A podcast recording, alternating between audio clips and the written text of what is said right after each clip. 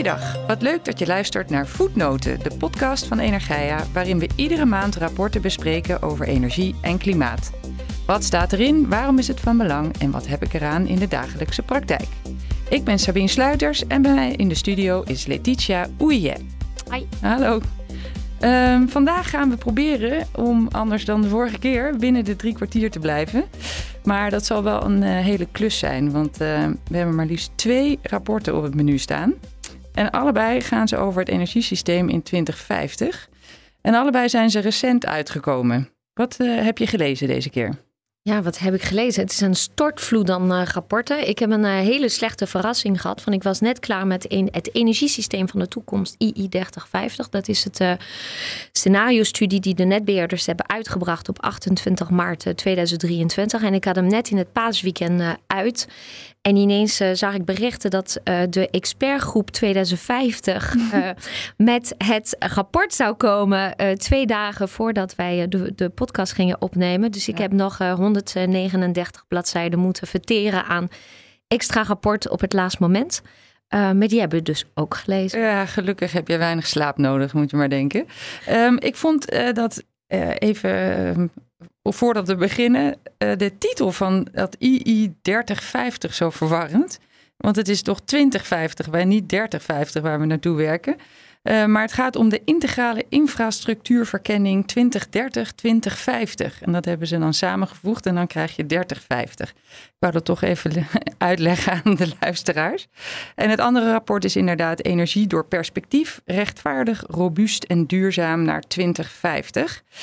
Um, nou, beide rapporten zijn vandaag naar de Tweede Kamer gestuurd. Um, en daar zat nog een ander rapport bij. Welke was dat? Dat is, uh, uh, ja, hoe heet het nou? Het Target Grid. En ja. dat is eigenlijk het rapport uh, van Tenet. Waarin Tenet met één van de vier scenario's waar we het vandaag over gaan hebben. Dus de, de netbeheerders hebben vier scenario's uitgewerkt. En één van de verhaallijnen van de scenario's, namelijk nationaal leiderschap, is uitgewerkt door Tenet in een, in een rapport. Ze hebben eigenlijk gekeken van kunnen we een netwerk ontwerpen die goed genoeg is voor het meest geëlektrificeerde scenario die van de vier scenario is. En deze gaan wij vandaag niet behandelen omdat het gewoon simpelweg te laat uitkwam. Maar hebben wij wel uh, gezegd dat we die in de volgende voetnoten gaan doen. Ja, oké. Okay, dus dat weten we al. Dan weten de luisteraars dat ook al. Um, waarom heb je voor deze twee rapporten gekozen? Deze twee, om deze gezamenlijk uh, aan te pakken? Ja, nogmaals, uh, de een overkwam me. Maar II 3050 is een rapport waar uh, iedereen uh, echt, vooral mensen die veel um, energiesysteem modelleren, waar ze altijd gewoon met smart op wachten. Omdat het een scenario is die gewoon heel vaak uh, gebruiken. Een scenario, sorry. Vier scenario's zijn waar uh, heel vaak studies mee gedraaid worden. Het is eigenlijk een soort van steen in de vijver die door de netbeheerders eens in de zoveel tijden. Dit is de tweede keer. De eerste keer was 2021. En dan maken ze een rapport waarin ze kijken van hoe ziet het systeem eruit. Um, hoe, ziet, hoe zou het systeem eruit kunnen zien uh, uh, voor, het energie, uh, voor onze energievoorziening. En dan, um, en dan met vier soort van hoekstenen van hoe het speelveld eruit zou kunnen komen te zien. En het is, um, ja, weet je, het is. Het zijn scenario's. Nou, zijn ze goed, zijn ze slecht? Ja, dat is gewoon aan één ieder een mening daarover te vormen. Maar het vormt een soort van gezamenlijke basis die door andere consultants heel vaak worden gebruikt. Uh, als er bijvoorbeeld gekeken wordt naar de rol van een bepaalde uh, uh, energieopweksysteem, bijvoorbeeld kernenergie, ja. of er wordt gekeken naar de toekomst van een bepaalde sector, zoals de industrie. Dus dat zijn scenario's waar gewoon heel veel mensen mee rekenen over het algemeen. Ja, oké. Okay. Nou, dat is inderdaad goed om dan, want het is eigenlijk ligt het dus aan de basis van een heleboel rapporten die we ja. misschien later nog gaan behandelen. En het is een beetje, het is, het is niet een soort van afgesproken iets. Hè? Want je zou kunnen zeggen, ja, waarom gebruik je dan niet de, ik zou zeggen, de Shell-scenario's of IEA of wat dan ook. Van dit zijn echt de scenario's van de netbeheerders. Dus mm-hmm. er ligt geen wettelijke verplichting om te gaan rekenen met de scenario's van de netbeheerders. Maar over het algemeen zijn het scenario's die worden gezien als een soort van gezamenlijke basis waar heel veel mensen hun uh, studies omheen uh, bouwen. Ja. En uh, dit vormt binnenkort een, een, een, bouwsteen, zoals het mooi heet, en zoals de minister het ook genoemd heeft, voor dat nationaal programma e energiesysteem, wat er binnenkort, ik geloof in juni of zo, ja. gaat de minister met, met dat programma komen. Dus dat rapport, energiesysteem van de toekomst, I 3050 en dat expertgroeprapport uh, voor 2050. Dat zijn twee van de vier bouwstenen die uh, in het MPE meegenomen gaan worden. Dus ik, ik, zag dat, ik zag daar wel echt een samenhang in. Ja, snap ik. Het was inderdaad een vraag van mij van uh, hoezo de netbeheerders die scenario's maken voor um, eigenlijk voor, iedereen, voor, voor het grote overheidsplan voor het energiesysteem. zijn, zij zijn dus gewoon in een soort vacuüm gesprongen. Het was er niet. Ze hebben het gemaakt, want ze hadden het zelf nodig en iedereen kan er gebruik van maken. Ja, in 2017 is eigenlijk deze hele route begonnen. Ze zijn begonnen met een soort van uh, rapport, uh, die heette Net voor de Toekomst. Een soort van eerste verkenning naar energietransitieroutes. En dan zijn ze in april 2021 met hun vier scenario's gekomen voor het eerst. En um, ja, zij willen in staat zijn om de noodzaak van investeringen te toetsen. Want over het algemeen uh, worden netbeheerders heel kort gehouden in de, door de toezichthouder. Die zegt, ja, je moet echt wel even aantonen dat een investering nut en noodzaak heeft. Mhm. Want wij betalen met z'n allen voor de investering van de netbeheerders. Worden allemaal gesocialiseerd. Um, maar zij worden de hele tijd vervolgens uh, verantwoordelijk geacht voor het feit dat we niet snel genoeg gaan in de energietransitie. Ja, netbeheerders komen tekort, er zijn geen netten, worden gewoon. Uh, mensen in uh, Limburg kopen spullen en kunnen het vervolgens niet aansluiten op, het, op de energieinfrastructuur. Dus de netbeheerders die worden een beetje gek dat, dat er alsmaar geen visie is vanuit uh, de Rijksoverheid over hoe het energiesysteem van de toekomst eruit moet komen te zien. Dus ze worden heel kort gehouden, maar ze zoeken naar ruimte. En uh, dit is voor hen uh, de manier om even, ja, wat ik al zei, een steen in de vijver. Van, ja, nou, dit zijn vier mogelijke uh, richtingen waarop het energiesysteem zou, zich zou kunnen ontwikkelen. Er zit daarbinnen no regret opties die je nu alvast kan gaan uitwerken. Ja, precies. en nou ja, misschien wel. Ik weet niet of je nu even het verschil. nou ja, laten we straks even het verschil schetsen tussen de editie 2021 en, en, en deze. ja. ja. Ja, ik, want ik wil ook nog heel eventjes terug naar. Um, toen we deze podcast begonnen, lang, lang geleden. toen zei je dat er altijd wel heel veel relevante rapporten uitkwamen. En uh, nu lijkt het alsof er een soort van stortvloed over ons heen wordt uh, gestort. En um, nou, het is moeilijk bij te benen. Um, maar dit zijn allemaal stukjes uh, die gezamenlijk een, een grote puzzel invullen. Dat heb je destijds ook gezegd. Maar hoe past dit dan allemaal in elkaar? Ja, uh, als je de, de rapporten, zeker nu twee van de vier die ik gelezen heb, als je die naast elkaar legt, dan zie je ook wel grote discrepantie. Van de een zegt van, uh, nou, uh, in deze scenario blijft de industrie. De andere zegt van, nou, ik zie weinig toekomst voor de industrie. Dus als minister moet je wel een kaf van koren scheiden. maar ik denk dat, het, dat hoe de puzzelstukjes in elkaar passen, is dat de minister, dat was de to-do-lijst van, uh, van minister ja. Jette toen hij aantrad, dat hij gezegd heeft: ja, er wordt alsmaar geroepen dat er geen regie komt vanuit Den Haag. Ja, op uh, klimaatbeleid, daar ga ik nu voor zorgen.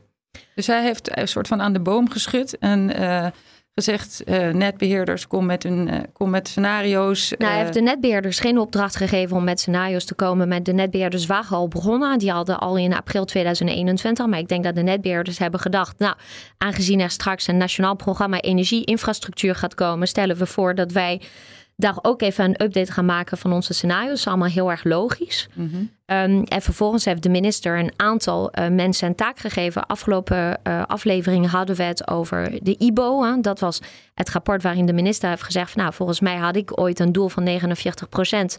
En nu heb ik een doel van uh, 60 procent hoe, uh, hoeveel mis ik en hoe moet ik dat gaan invullen. Dus dat was echt een hele kwantitatieve doorrekening van de opties, haalbaarheid. En uh, ja. niet echt vanuit een beeld van hoe, zo ziet Nederland eruit. Nee. Nou, hij heeft dat expertgroep heeft die uh, afgelopen voorjaar gevraagd van... nou, ga eventjes uh, met z'n tienen uh, bouwstenen leveren voor het Nationaal Plan Energiesysteem. Hoe ziet Nederland eruit in 2050 in een energie-klimaat... of sorry, een... een um, klimaatneutraal. Klimaat, dankjewel. Klimaatneutrale toekomst. En, uh, ja, en hij heeft dus ook gewoon dat uh, de burgers ook gevraagd wat ze ervan vonden. Ja. Dus ik denk dat dit allemaal in de blender gaat. ja, Van de smoothie uh, energie, ja, nationaal programma energie. Ik hoop dat die lekker drinkbaar ja. is. nou, laten we er eens induiken. Um, om te beginnen, het adviesrapport Energie door perspectief, rechtvaardig, robuust en duurzaam naar 2050. Geschreven door experts, onder aanvoering dus van oud-topambtenaar Bernard Terhaar. En het schetst een beeld van de energiesystemen in 2050 en ontwikkelpaden, hoe we daar uh, zouden kunnen komen. Um, ja, in de voorbereiding zei je dat het advies vooral grote lijnen schetst, maar daar ook een aantal kantlijnen bij plaatst. En dat vooral deze kantlijnen de krant hebben gehaald. Nou, ik heb er ook over geschreven, dus ik voel me behoorlijk aangesproken door je. Maar wat hebben de kranten gemist? Eh, de kranten hebben volgens mij het rapport niet gelezen. Dat in ieder geval, dat was mijn uh, hoofdconclusie. nou, kijk, ik, uh, ik zei ook vandaag een beetje als grapje op Twitter. Ik zei volgens mij gaan wij de komende weken elke dag weer een nieuwe krantenkop met één kadertje uit het expertrapport. En zo gaan wij van one-liner tot one-liner. Um, wat dit rapport heeft gedaan is vooral kijken van hebben wij perspectief op een aantrekkelijke toekomst. Ja. Dat 2050 ziet het eruit als een toekomst waarin wij gewoon helemaal niks meer eh, consumeren. En uh, we zitten thuis uh, met ons, van onze moestuin te leven. En kunnen alleen de was aanzetten als de zonnepaneel van de buurman aangaat. Zoals je soms het gevoel hebt dat de toekomst eruit ziet. Of hebben wij gewoon een, een, een mooie, mooie land met een mooie economie. Ja, ik vond het wel hoopgevend, heel eerlijk gezegd. Ik vond het wel echt heel mooi om een keer uit te gaan van een soort ideaalbeeld. Daar werken we naartoe. Hoopgevend. Um, in plaats van niks mag meer, uh, dit moet stoppen, dat moet halveren. Is het nu juist, we bouwen aan iets. Ja, dat, dat, was wel een beetje het soort van tegenovergestelde van de IBO van. Hè, dat ja, was precies. het, uh, de krantenkoppen waren van uh, de mevrouw van Geest. Kom straks in de koelkast kijken of u zuivel heeft. ja, was de, de samenvatting. En deze is echt een beetje de, de zonneschijn. De zon schijnt, de lucht is blauw. Ja. dat was een beetje de, de Teletubbies-wereld had ik erbij. Ja, ik hou er wel van. Jij houdt er wel van. Nou, ik, ik, um, ik ging een beetje tussen. Uh, kijk perspectief is mooi. Ze laten echt wel zien van uh, we kunnen een economie draaiende houden in 2050. Uh, wij kunnen de natuur een plek geven. Wij, uh, wij, wij, wij, leven in aantrekkelijke, compacte steden, ja. et cetera, et cetera. Um, dat is het stukje van ja, het kan. En dat is ook wel wat Bernard de Haag had gezegd. Ja, het kan. Ja. Maar vervolgens hebben ze ook een aantal ontwerpprincipes meegegeven. Van ja, zo zou je de aan de toekomst moeten gaan bouwen. Mm -hmm. Uh, maar dat rapport staat ook vol met uh, wat je zei, kantlijnen over, by the way, we zouden deze straat, dat is een, een dead-end street, daar zouden we echt niet ingaan. En ik pak alleen eentje uit, Ja. die uh, volgens mij door de pers nog niet ontdekt is, want die zit echt achterin. Maar ze zeggen van, ja, laat die maatwerkafspraken met de industrie, laat eigenlijk maar zitten. Oh. Uh, want je maakt nu maatwerkafspraken met de industrie van nu. En je moet je maatwerkafspraken maken met een industrievisie van wie je eigenlijk wil behouden tussen 2040 en 2045. Ja, dat is een hele belangrijke aanbeveling die ze doen hè, Ja, maar dat komt op de dag uit dat uh, minister Adriaanse komt met Ja. het bericht dat zij een maatwerkafspraak met Shell aan het sluiten is. Ja. Weet je, de, de, de, de consument die gewoon de, de krant openslaat op, uh, op de vrijdagochtend, die weet het even niet meer. Zijn we nou wel maatwerkafspraken aan het maken met Shell? Of hoort Shell helemaal niet in de toekomst van de industrie in 2040, 2045? Ja, en dat, zijn, dat is dus de, ja, dat is het probleem waar we nu voor staan. Ja. hoe willen we dat het eruit ziet in 2050? En dat zijn moeilijke keuzes. Dat zegt uh, het rapport overigens ook. Maar goed, uh, het, het goede nieuws is, het kan. Is dat de centrale boodschap? Dat is de centrale boodschap, uh, waarbij ze Um, denk ik wel. Uh, kijk, het gevoel wat mij bekroop is. Uh, zij hebben wel, denk ik, in gezamenlijkheid een soort van denk, denkbeeld geschetst van hoe Nederland in 2050 eruit ziet. En ik heb in gezamenlijkheid, dan bedoel je de experts? Ja, alle tiende experts. Ja, want iedereen had echt een andere, uh, heeft een andere kennis en expertise. En ik kan me zo voorstellen, maar ik was er niet bij. Um, dat ze gewoon een paar keer gewoon echt met elkaar gezeten hebben. Was je van, niet uitgenodigd? Ik was niet. Wel gek eigenlijk. Nee, misschien ben ik een beetje jaloers. ja. Maar nee, nee, ze hadden dus. Uh, ik denk dat ze met een paar griltjes sessies hebben gezegd van. Je bent nu, doe je ogen dicht. Je bent in 2050. Hoe ziet je stad eruit? Hoe uh, kom je aan je voedsel? Hoe uh, vervoer je en dat soort ja. dingen. Vervolgens verdiepen ze echt een aantal factoren heel erg. Dus ze gaan bijvoorbeeld hoofdstuk 5. Als je maar één hoofdstuk moet gaan lezen, dan moet je echt hoofdstuk 5 gaan lezen. Dat gaat over wat gaat er met de industrie gebeuren. Ja, ze noemen het uh, nieuwe koolstofketens voor Ja. de industrie.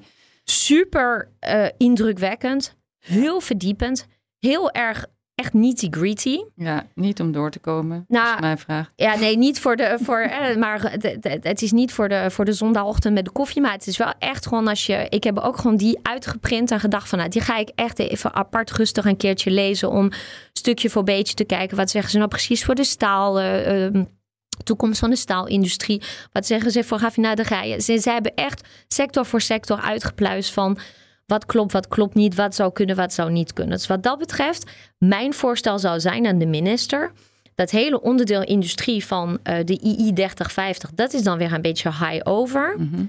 Pak hoofdstuk 5 van, Ja, dus- van de outlook van de experts en gooi dat in II 3050 en dan heb je echt de smoothie te pakken. Want dat is echt wel heel erg eh, in-depth. Maar, maar- dat eh, Jette van smoothies houdt. Ja, weten we niet. Maar ze hebben een paar dingen gezegd waarvan ik denk, nou, minister, dat zijn wel gewoon grote stenen in de vijver. Zij zeggen bijvoorbeeld, oké, eh, en dat is door de krant opgepikt, ehm, die kerncentrales bijvoorbeeld, hè? Eh, waarvan de coalitieakkoord had gezegd, daar gaan we gewoon twee van bouwen. Ze zeggen, die kerncentrales die eh, zorgen voor diversificatie van je energiesysteem. Dus niet alleen zon en wind, dus het maakt het robuuster.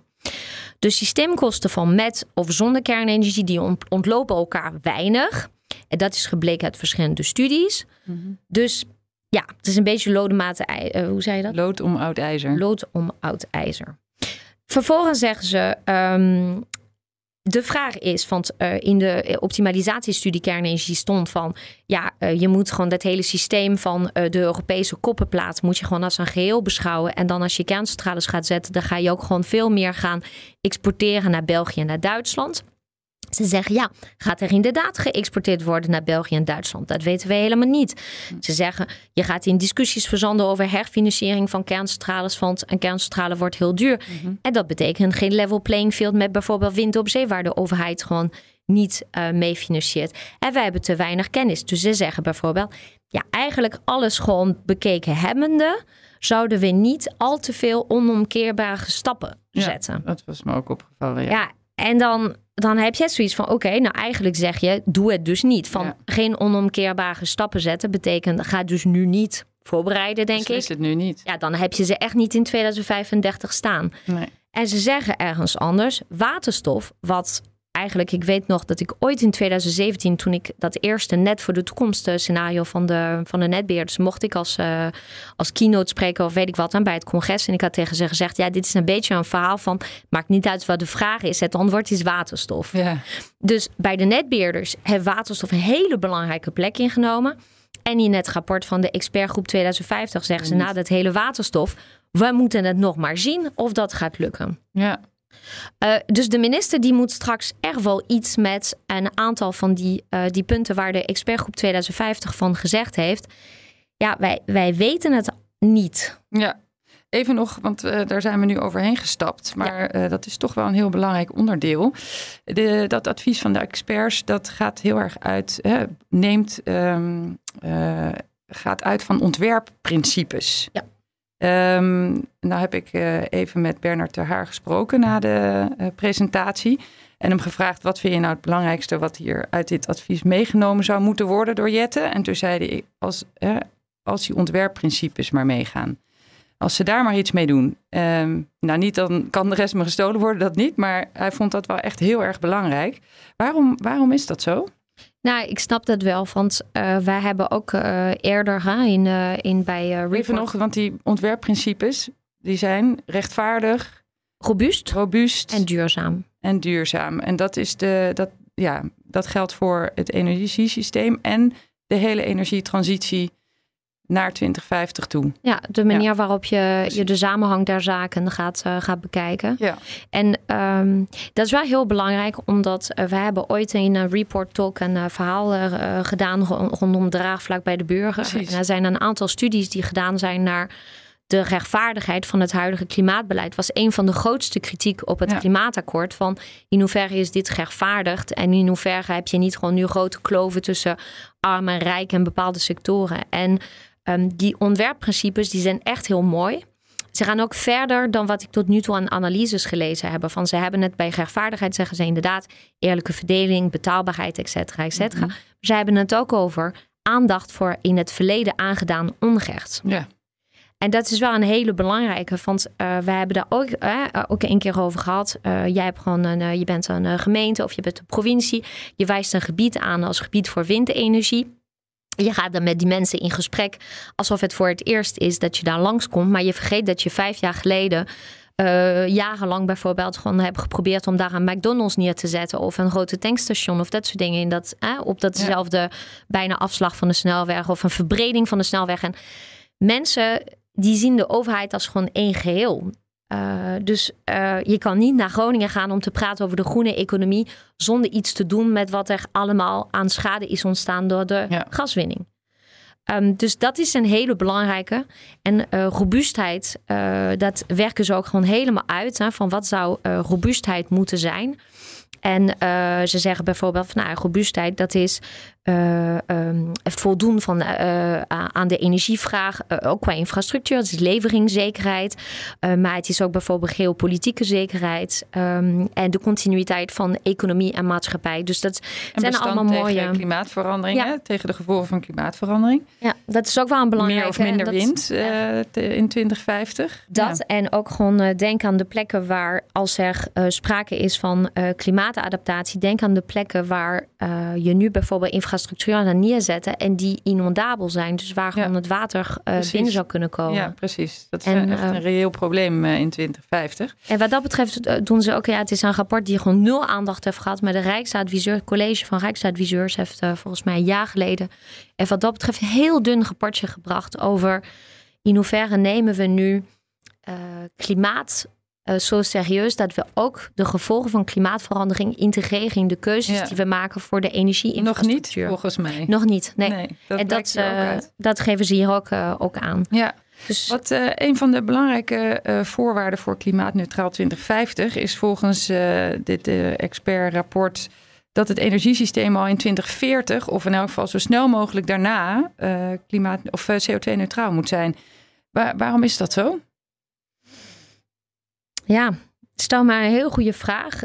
Um, dat uh, geven ze eigenlijk volgens mij niet helemaal aan. Maar het is wel zo dat, dat je gaat pas, denk ik. Maar nu ben ik hem heel erg zelf aan het invullen. Maar ze hebben het over de koolstofketens, die zo belangrijk zijn. En ik zeg altijd van in de industrie heb je niet alleen de haatjes nodig, maar je hebt ook de C'tjes nodig. Ja, zeker. Um, en ze zeggen van ja, als je geen, geen uh, zicht hebt op uh, heel veel duurzame elektriciteit. Vanuit bijvoorbeeld wind, zon. Maar ze stellen ook voor om oude kolencentrales om te bouwen. Zodat je daar ook biomassa op kan doen met CCS. En dus dat je gewoon eigenlijk uh, CO2-vrije elektriciteit daar kan opwekken.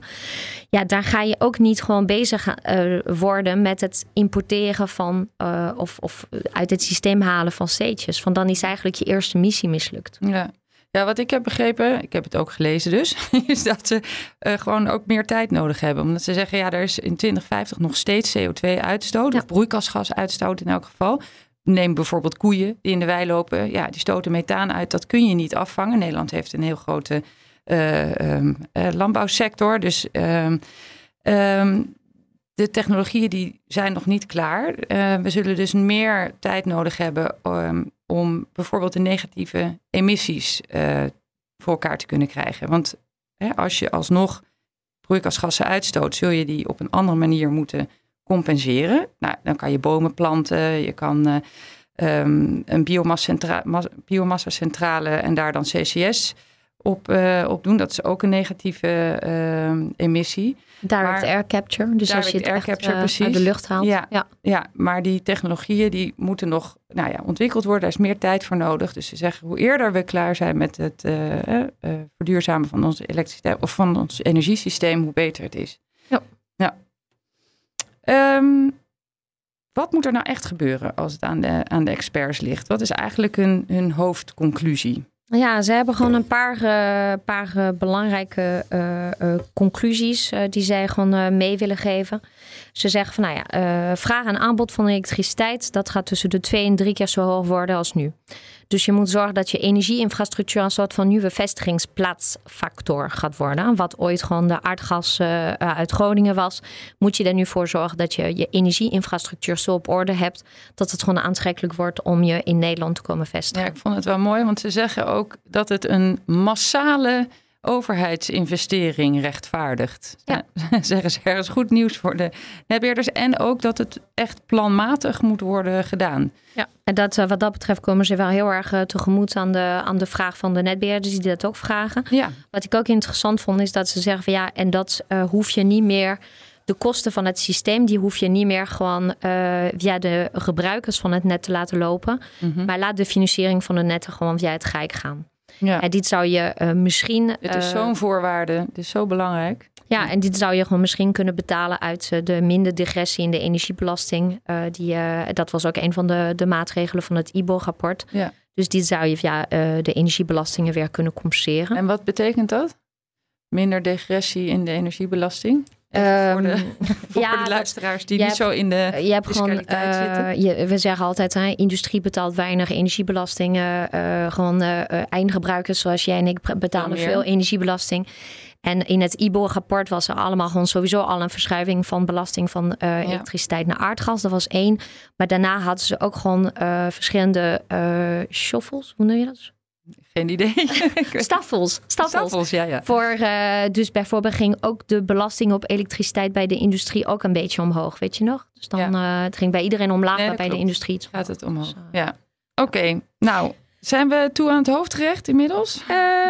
Uh, ja, dat, wel, dat zijn we wel. Ja, ja, we zouden nog allemaal kunnen. Uh, ja, maar ik heb afgesproken we dat niet. we niet okay. uit de tijd. Misschien kom ik er zelf op terug. Ja, dat is ook goed. het hoofdgerecht, de scenario's van de netbeheerders. Ja, uh, nou ja, waarom komen de netbeheerders met die scenario's? Dat is toch helemaal hun taak niet? Nou, dat hebben we wel min of meer gehad, denk ik. Um, ja, wie, wie kan er wat mee? Wie gaat hier wat mee doen? Het, uh, eigenlijk iedereen, eh, of althans iedereen, maar in ieder geval uh, het Nationaal Plan Energiesysteem zal hier waarschijnlijk gebruik van gaan maken. En zij zelf, want de netbeheerders komen aan het eind van het jaar met hun, uh, met hun update. Ja, nou, ze hebben dus nu een, uh, een, uh, een nieuwe scenario, gewoon de nieuwe scenario's gepresenteerd. Geactualiseerd. En ze, geactualiseerd. Ja. En ze gaan de komende tijd gaan ze aan de slag met een aantal varianten. Ja. En gaan ze dat ook doorvertalen in wat betekent het dan voor de investeringen van de netbeheerders. Uh, dus dat is vooral gewoon een intern feestje waar we gewoon bij uh, mee mogen kijken. En waar wij vervolgens uh, met z'n allen een beetje gebruik van gaan maken. Waardoor, waaronder ook de minister met zijn nationaal programma. Ja, die gaat het ook, ja. die gaat deze scenario's ook meenemen. Meenemen, ja. Ja, ja en in het expertrapport zag ik ze ook terugkomen. Viel mij op, ja.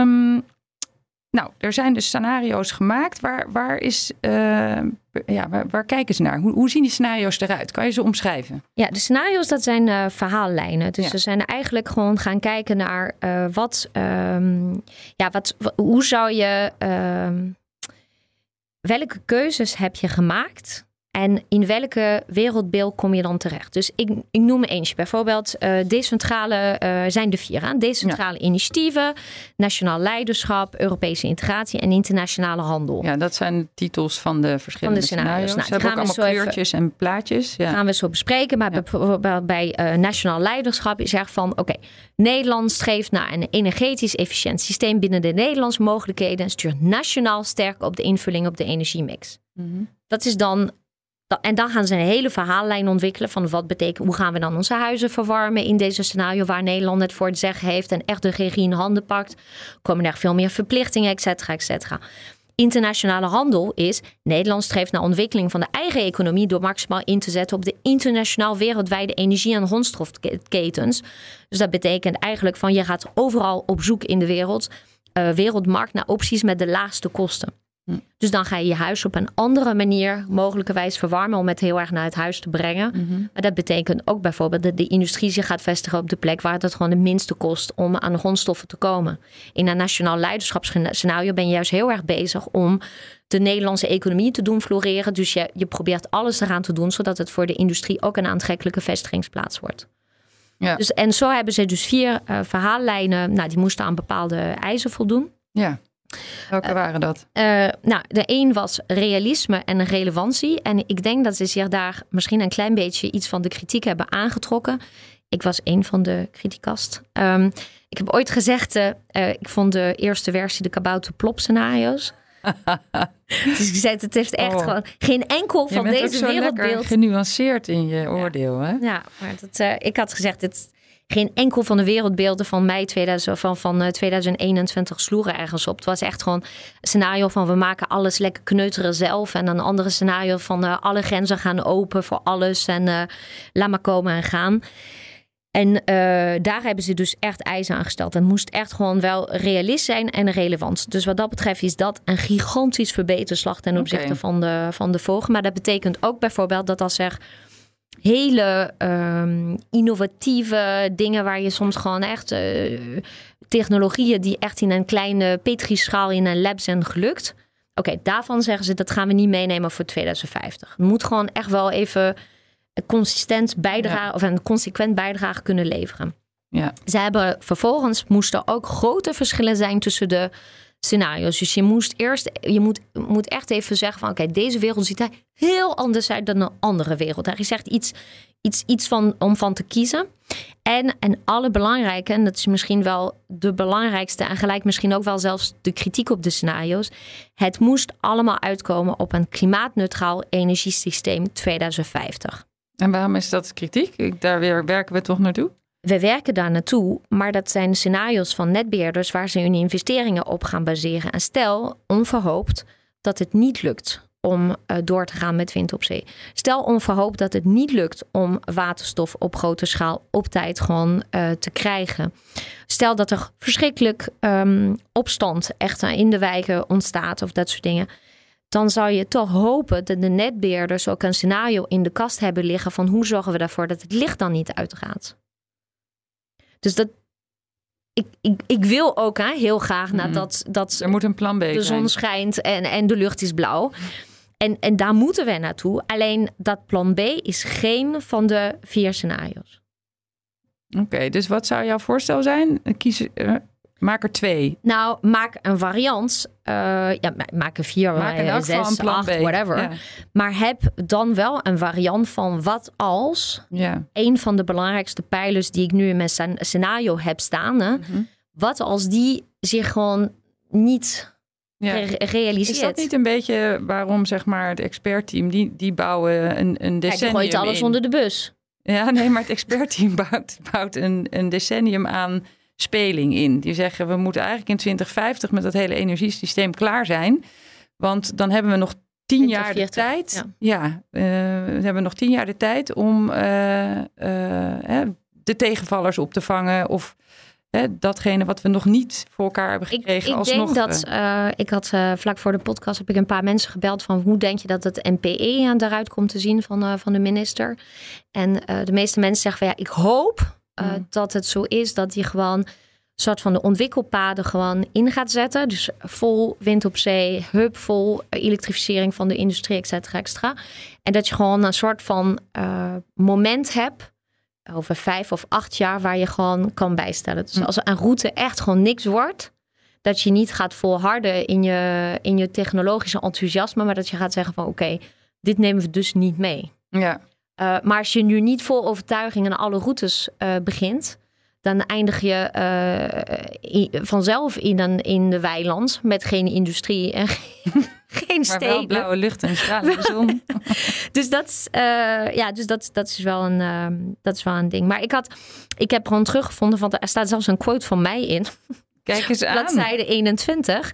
Uh, niet de kabouter ploppen quote, dat is wel jammer. Maar er staat uh, dat ik gezegd had dat de scenario's van 2021 zeer techno-optimistisch waren. Ja. En geen rekening hielden met eventuele tegenslagen op het gebied van technologische vooruitgang en innovatie. En ik sta hier nog steeds ja. uh, achter. En ze, ze hebben er dus niet echt naar geluisterd? Nou, ze hebben wel. Er is een hele belangrijke hoofdstuk helemaal aan het einde van het rapport. En die heet Onzekerheden. Ah. En daar hebben ze echt gewoon een waslijst aan zingen gezet van ja, ja, het kan, maar. Dikke maar. Ja. En dan, uh, ik weet niet of we het even over de onzekerheid, als we er toch zijn. Er moet wel uh, goede wetgeving vanuit Europa komen. We moeten daadwerkelijk gebruik kunnen maken met de Noord, van de Noordzee. En niet gewoon straks helemaal in de, in de clinch met, de, met uh, andere sectoren die Nederland zich graag willen gebruiken. Technologie moet deliveren. De kerncentrales, ja, dat moet allemaal wel lukken. Uh, uh, DAC, de, de um, hoe noem je dat? Um, direct Air direct Capture air van CO2. Ja, ja. Uh, ja de elektrolyse, ja, de investeringsbeslissingen die komen maar niet van de grond. Dus ja, het moet wel heel snel gaan. Maar er wordt ook overal altijd gezegd, op het moment dat je een beslissing neemt en zegt we zetten hier vol op in, dit gaan we doen. En je gaat daarnaar hè, beprijzen, normeren, je, je voert actief overheidsbeleid dat het dan wel gaat lukken. Ja, maar moeten we niet vergeten dat we gewoon in Nederland gewoon geen elektrolyzers maken? Ja.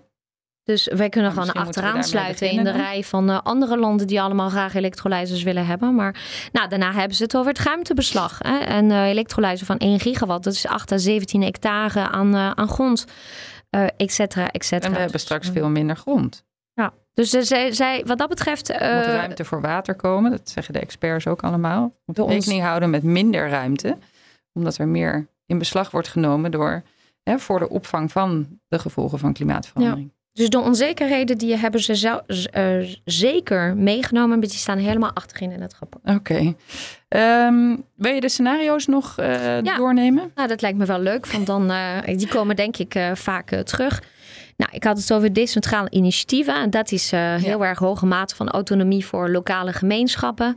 Uh, dat zijn de prosumenten waar dat expertgroep 2050 de hele tijd het over heeft. Mm -hmm. Dus uh, wij, wij, jij en ik gaan met elkaar een uh, coöperatie opzetten. en we gaan de auto delen. En we gaan. ja. Wordt allemaal wij. Wij.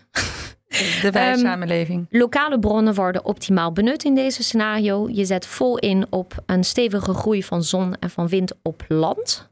Oké. Okay. Ja.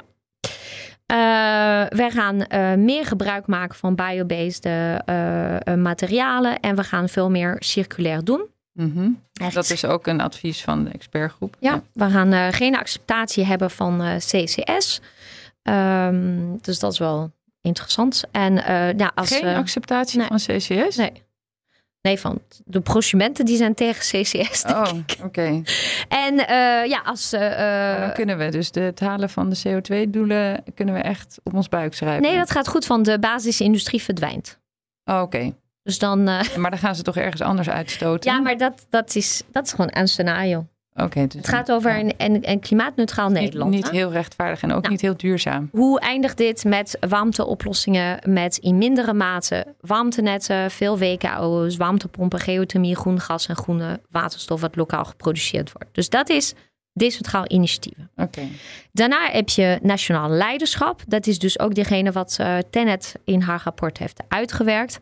Nou, dat is dus echt uh, jetten uh, aan de knoppen en gewoon hup, gaan we die banaan. En Tenet heeft dus gewoon dit scenario uitgepikt. Van nou, dit ja, maar is ik snap ons hem wel, eindbeeld. want zij zijn het transportbedrijf uh, van elektriciteit. En dit is de scenario waarin de grootste mate van elektrificering is in het systeem. Mm. Dus dat is ook heel logisch dat ze zeggen van ja, zijn we in staat om in de scenario die het meest van ons vraagt, zijn we in staat om dat te deliveren. Ja. Okay. Want als zij zeggen ja, laat maar, ja, dan kunnen wij die scenario in ieder geval gewoon doorstrepen. Ja. Uh, nou, daar zeggen ze van, uh, je moet gewoon uh, zoveel mogelijk sturen nationaal op de invulling van de energiemix. Dus je bepaalt wat wel, wat niet. Je maakt keuzes over de technieken.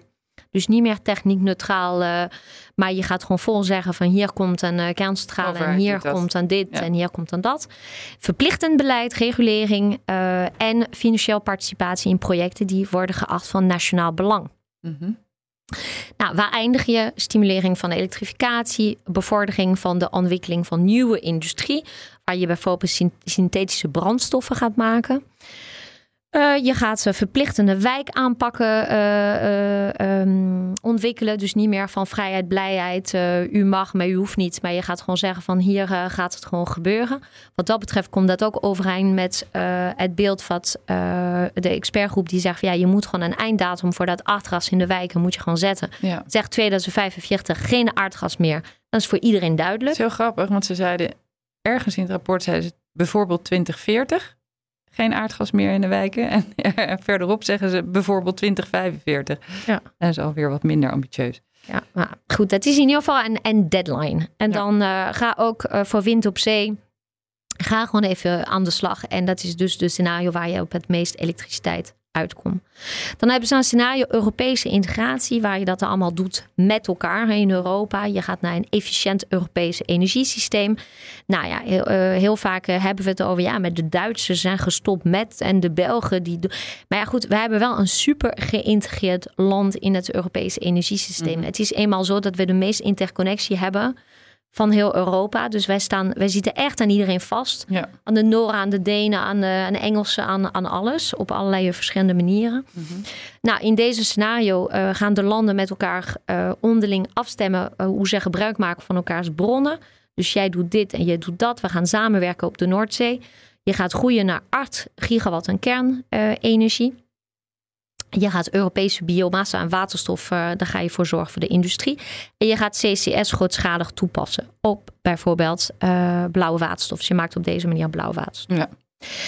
Uh, boven regionale warmtenetten, uitbreiding van de HSL voor de trein, ladeinfrastructuur. Dus dit is echt een, de grote publieke werken van Europa. dat is scenario. scenario. Ja. En dan internationale handel. Ja, het is een beetje de de, de, hoe noem je dat? Eh, de gouden eeuw uh, opnieuw. we, gaan, uh, we gaan even in de boot op zoek naar, naar goedkope alles. Dus um, dat betekent dat je gewoon je waterstof gaat, gaat importeren. Je gaat veel minder zelf produceren. overal komen er hybride ketels met waterstof erin. En dat is echt wel uh, dat je zegt, ja, weet je, dat is Nederland nog echt wel de plek waar je, um, hoe noem je dat? Waar je gewoon bijvoorbeeld brandstof moet gaan maken als je toch niet de, dezelfde waterstof maakt. Ja. Want op dit moment importeren we ruwe olie. En dat is wel een, een hele belangrijke. En eigenlijk wel een, misschien dat denken mensen nu van ja, dat wist ik al lang. Maar tot nu toe waren energierapporten tot 2021 gingen altijd uit van de vraag naar elektriciteit en de vraag naar aardgas. Mhm. En dat was het dan. Ze werd nooit gekeken naar de vraag naar uh, bijvoorbeeld uh, kerosine of bunkerstoffen of dat soort dingen. Ja. Want A, het is voor de internationale luchtvaart en scheepvaart, dus ja, boeien, het is niet van ons. Het telt nooit mee in de cijfers. En hiernaast, uh, het is geen elektriciteit en of gas. maar als wij nu importeren we ruwe olie en die gaan we gaf, gaf, raffinaderijen. Mm. Raffineren. Ja. gaan we raffineren in, in Rotterdam bijvoorbeeld. Hè? En dan vervolgens uh, kan uh, er op Schiphol getankt worden en in de haven van Rotterdam. Uh, maar in de toekomst, als dit allemaal op basis van elektriciteit, wat dan vervolgens omgezet is als waterstof, dan maak je ook gebruik van dezelfde elektriciteit als bijvoorbeeld verhuizen of zo. Dat is een soort van nieuwe dus concurrerende afnemer. Ja, precies. Dan wordt het niet geïmporteerd. Dan moeten we het allemaal zelf gaan opwekken. Ja, dus tegenwoordig wordt dat gewoon echt goed meegenomen. Dat ze goed kijken naar niet alleen de vraag naar elektriciteit en aardgas. Want heel veel mensen zeiden van ja, we zijn helemaal zelfvoorzienend dan denk ik nee, van je hebt alleen de huisjes en de, en de auto's geteld. Ja. Maar, uh, maar heb je De vraag is dus ook of je dat soort activiteiten kunt houden. En Nederland. dat moet willen. Ja, en dat is dus de grote vraag. En dat is dus in dat internationale uh, handelsscenario vinden zij dat dit gewoon uh, vanaf nu in Qatar en Saudi-Arabië hoort. Waar je toch al je waterstof gaat opwekken met goedkope zon en wind. Ja, precies. Nou, dat zijn uh, ja, vier mooie, mooie beelden. Um, waar ik nou benieuwd naar was, is um, welk scenario komt er nou het meest overeen met die, dat mooie eindbeeld hè, het, het uh, van, de, van het expertteam? Nou, dat is echt, echt een beetje een uh, shitvraag. Want, sorry. Een van alle waarschijnlijk. Ja, nou, ja, het is per hoofdstuk een beetje anders. Want dat hele hoofdstuk over um, uh, de toekomst van, uh, van consumenten. Mm. Hoe gaan wij met elkaar om? Hoe gaan de steden zich ontwikkelen? Dat soort dingen. Dat is 100% decentrale initiatieven. Ja. Het is allemaal wat ik zei, een prosument en kneuterig en uh, zaampjes en weet ik wat. Uh, maar vervolgens, als je kijkt naar um, de industrie. industrie, dat is een mix tussen, dat is eigenlijk nationaal leiderschap, maar met een vleugje internationale handel. Dus dat is eigenlijk van, je gaat wel een visie vormen van het overheidsniveau van hoe kijk ik nu naar staal? Uh, waar is de beste plek om staal te gaan maken? Dus ze stellen voor bijvoorbeeld een deel van de staalketen die heel energieintensief is, om die te gaan verplaatsen naar landen waar de elektriciteit gewoon voorhanden ligt. Hè? Dus je mm veel uh, zon, weet ik wat, of ja. waterstof hebt. Dus het scheelt enorm in de, in de, elektriciteit die je nodig hebt. Zeggen ze ook, ja. En, en, maar dus met een vleugje van ja, weet je, als je, je gaat gewoon als overheid een visie erover vormen. En vervolgens ga je kiezen wat je in het buitenland gewoon laat gebeuren en wat je laat gaan. Uh, dus het is erg per, um, ja, per, per sector is het anders uh, hoe, uh, welke scenario daarin gebruikt zijn. Ja, oké. Okay. En um, als je nou die scenario's hoort, daar zitten grote verschillen tussen. Zijn er ook, zeg maar, ja, algemene conclusies te trekken op basis van, want wat heb je er anders aan? Die zijn er zeker. Even bladeren. Even zijn bladeren. 16 kantjes aan aantekeningen, Erg, even te zeggen. Ja, um, ja uh, ze zeggen van uh, hoe dan ook. Er zijn meerdere mogelijkheden, maar wat zijn de belangrijkste inzichten? Hoe dan ook heb je elektrificatie, waterstof, bio-energie, import van energiedragers en afvangen van CO2 nodig. Dus CCS heb je hoe dan ook nodig. Ja. Um, vervolgens een hele belangrijke inzicht. En misschien denkt iedereen nu van ja, de. Maar zij zeggen de transitie kan ingevuld worden met bestaande technieken. Ja. En dat is dan weer ook een hele hoopvolle uh, conclusie. Precies, van, we hebben het allemaal, maar ja, de, de, experts zeggen van niet. Nou, de experts zeggen van nou, dat, dat waterstof, dat moeten we nog zien. Maar de, de netbeheerders die zeggen van in principe is alles wat we nodig hebben, is in beeld en, en bestaat al. Ze ja. zeggen nog niet op efficiëntie of kostenniveau waar we het willen hebben. Maar het hoeft nog niet, het, het hoeft niet meer uitgevonden te worden. Mm. Dat is wel een. Uh... Nou, daarna zeggen ze van um, wij denken dat een groot volume van de opwekking van energie kan in Nederland plaatsvinden. En daarbij is connectiviteit belangrijk. Dus je bent geen eiland, maar je kan heel veel zelf maken. Dus dat is ook wel een belangrijk boodschap. Want ik heb uh, wel eens gewoon veel uh, mensen van de overheid horen zeggen: ja, weet je, we gaan er toch uit China halen of uit dit of uit dat. Ja. En we hebben jarenlang ook op Rusland geleund voor onze ja. aardgas. Um, in alle sectoren ondergaat uh, vraag en aanbod een forse verandering. Um, en uh, een andere belangrijke is 2050 gaan alle personenauto's vrijwel elektrisch. Dat zijn een beetje de, ja, de, de, de, de overeenkomsten. De overeenkomsten uit, tussen, de, de tussen de scenario's. Ja, precies. Ja. En hoe gaat dit zich nou vertalen in de, de plannen van de netbeheerders? Ja, dat is echt een hele goede vraag. Dat is een beetje voor mij ook hocus pocus. Oké. Okay. Uh, maar uh, zij hebben in ieder geval wel al een eerste uh, aanzet gedaan tot een analyse, een regionaliseringsanalyse. Dus ze hebben gekeken per buurt naar de verdeling van warmtetechnologie. Ze hebben gekeken naar de prognoses voor mobiliteit van de ELA, de outlook van hoe, hoe zou er ongeveer uh, min of ga, geladen worden. Uh, ze kennen de locaties van de ETS-bedrijven, daar hebben ze ook naar de plannen van gekeken. Ze hebben zich gebaseerd op de resten. Dus ze hebben al, er staat een kaart op bladzijde 123, 124, waar ze gekeken hebben naar waar aanbod en vraag van de elektriciteit, methaan, waterstof allemaal zou kunnen plaatsvinden per regio, dus in Nederland mm -hmm. uh, in 2030 en in 2050. Um, dus dat is een soort van eerste aanzet. Wat gaan ze nu doen? Ze gaan eerst even uh, varianten analyseren. Dus ze gaan kijken naar uh, wat als je een aanname over een specifiek onderwerp gaat aanpassen. Uh, dus bijvoorbeeld, stel dat je zegt, ja, maar we willen een maximaal hebben aan hoeveel wind op land ja. er nog komt. En we zetten daar een cap op. Oké, okay, wat gebeurt er dan? Stel dat er minder flexibel gedrag is in het gebruik van de energie. Minder of meer elektrische boilers die aangaan als er veel of minder wind. Uh, stel dat is toch precies wat de scenario's doen? Uh, ja, maar nu gaan ze, stel dat je in één scenario bent, maar je, er komt een aanpassing in één van de aannames. Oké. Okay. Wat, voor, wat gebeurt er dan? Jeetje, Mina. Ja. En dan gaan dan ze. Zoveel opties. En dan gaan zij uh, kijken ook van. Stel dat je een andere regulering ze hebben op de bepaalde uh, andere type infrastructuur. Ja. Um, en dat gaan ze allemaal ook weer in de blender doen. En dan komt daaruit en uh, denk ik een soort van plan voor de, voor de netbeheerders.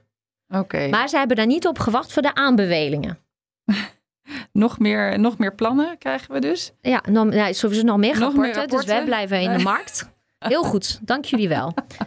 Maar, ehm, maar eh, zij hebben wel een aantal aanbevelingen, zo volgens mij negen of tien aanbevelingen gedaan eh, voor de rest aan, eh, aan de minister. Van ja, wij gaan niet wachten op het eindrapport. Wij hebben wel een paar aanbevelingen die je mee kan nemen in je nationaal plan energiesysteem. Oké, wil je dat nog behandelen? Dat moet dan wel heel snel. Nou, wat, echt- wat grappig is, is dat sommige zijn wel dat je denkt van, nou, is, gewoon toon leiderschap, bepaal welke dragen waar op welk moment voor wie. Ja, De, ja, snap ik. Open deur. Ehm, bouwen flexibiliteit in het systeem, eh, stimuleren, opschalen en innoveren als het gaat om flexibiliteit. Van we hebben het al in 2030 nodig. Ja. Maar er staan ook een paar lobbypuntjes in. ja. Bijvoorbeeld, oké, pas die SD++ aan, we worden daar gek van. En ga even meer sturen naar combinaties van vraag met opwek. En eh, beter gebruik van vrije ruimte in het net. Dus ga, ga niet meer jagen op de laagste kosten voor, eh, voor de CO2-besparing hè, van eh, via de SD++. Dat is nu de manier waarop het Ja, gedaan ja. wordt. Maar ga zeggen, ik ben hem nu zelf aan het invullen. Niet meer zon, zonder vraag in Drenthe. Ja, precies. Dat staat er niet in, mensen. Maar goed, dat vul ik zelf in. Oké, heb jij ehm, nog reacties eh, gekregen of eh, gelezen of eh, gehoord op de scenario's, dan wel op het advies van het expertteam? Ja, van mijn echtgenoot. Maar nee, ja, veel verontwaardiging. En dat heeft er ook mee te Ook maken weer. dat... Ja, weet je wat ik mis? Ik mis gewoon dat jij te zegt van... joh, ehm, geen paniek. Dit hoort er allemaal bij. Ik verwachtte deze rapporten. Ja. Het is nog niet, maar nu weet je, net als wat ik vertelde, vorige keer was het van, eh, van de IBO mag er geen zuivel in de koelkast. En Ja. nu is het van de, eh, van de expertgroepen mag er, eh, moet er biomassa en kolencentrales. En nu is het, De rode lijn ontbreekt. ga eventjes uitleggen hoe al deze rapporten, in welke vakjes ze vallen. Van voor mensen is het steeds, de krantenkop is altijd expert zegt. Ja, Word je toch helemaal gek van al die experts? ja. Ja. Dus dat... eh, dus dus- voor de mensen moet Jette gaan uitleggen hoe dit allemaal met elkaar bij elkaar past. Ik denk dat dat enorm zou helpen. En, eh, en eh, kijk, ik, in mei 2021 kwamen de scenario's van de netbeheerders en toen boeide energie niemand. En die zijn echt wel, behalve door een paar zelf-expert gelezen, gewoon het heeft echt Ja. de krant amper bereikt. En nu is energie zo hot. Ja, Dat mensen willen het, echt weten. Maar voor de rest, ja, veel verontwaardiging. Dus eh, de mensen van, eh, van de waterstof, die hebben verontwaardiging over dat waterstof onder de bus gaat in, in de expertgroep. Eh, Ja. Mensen van de kernenergie. Kijk, in dat expert, ehm, rapport Expert 2050 Mhm. Zeggen ze zelf van, eh, nou, kernenergie zouden wij misschien eh, niet doen. Nou, zet geen onomkeerbare stappen.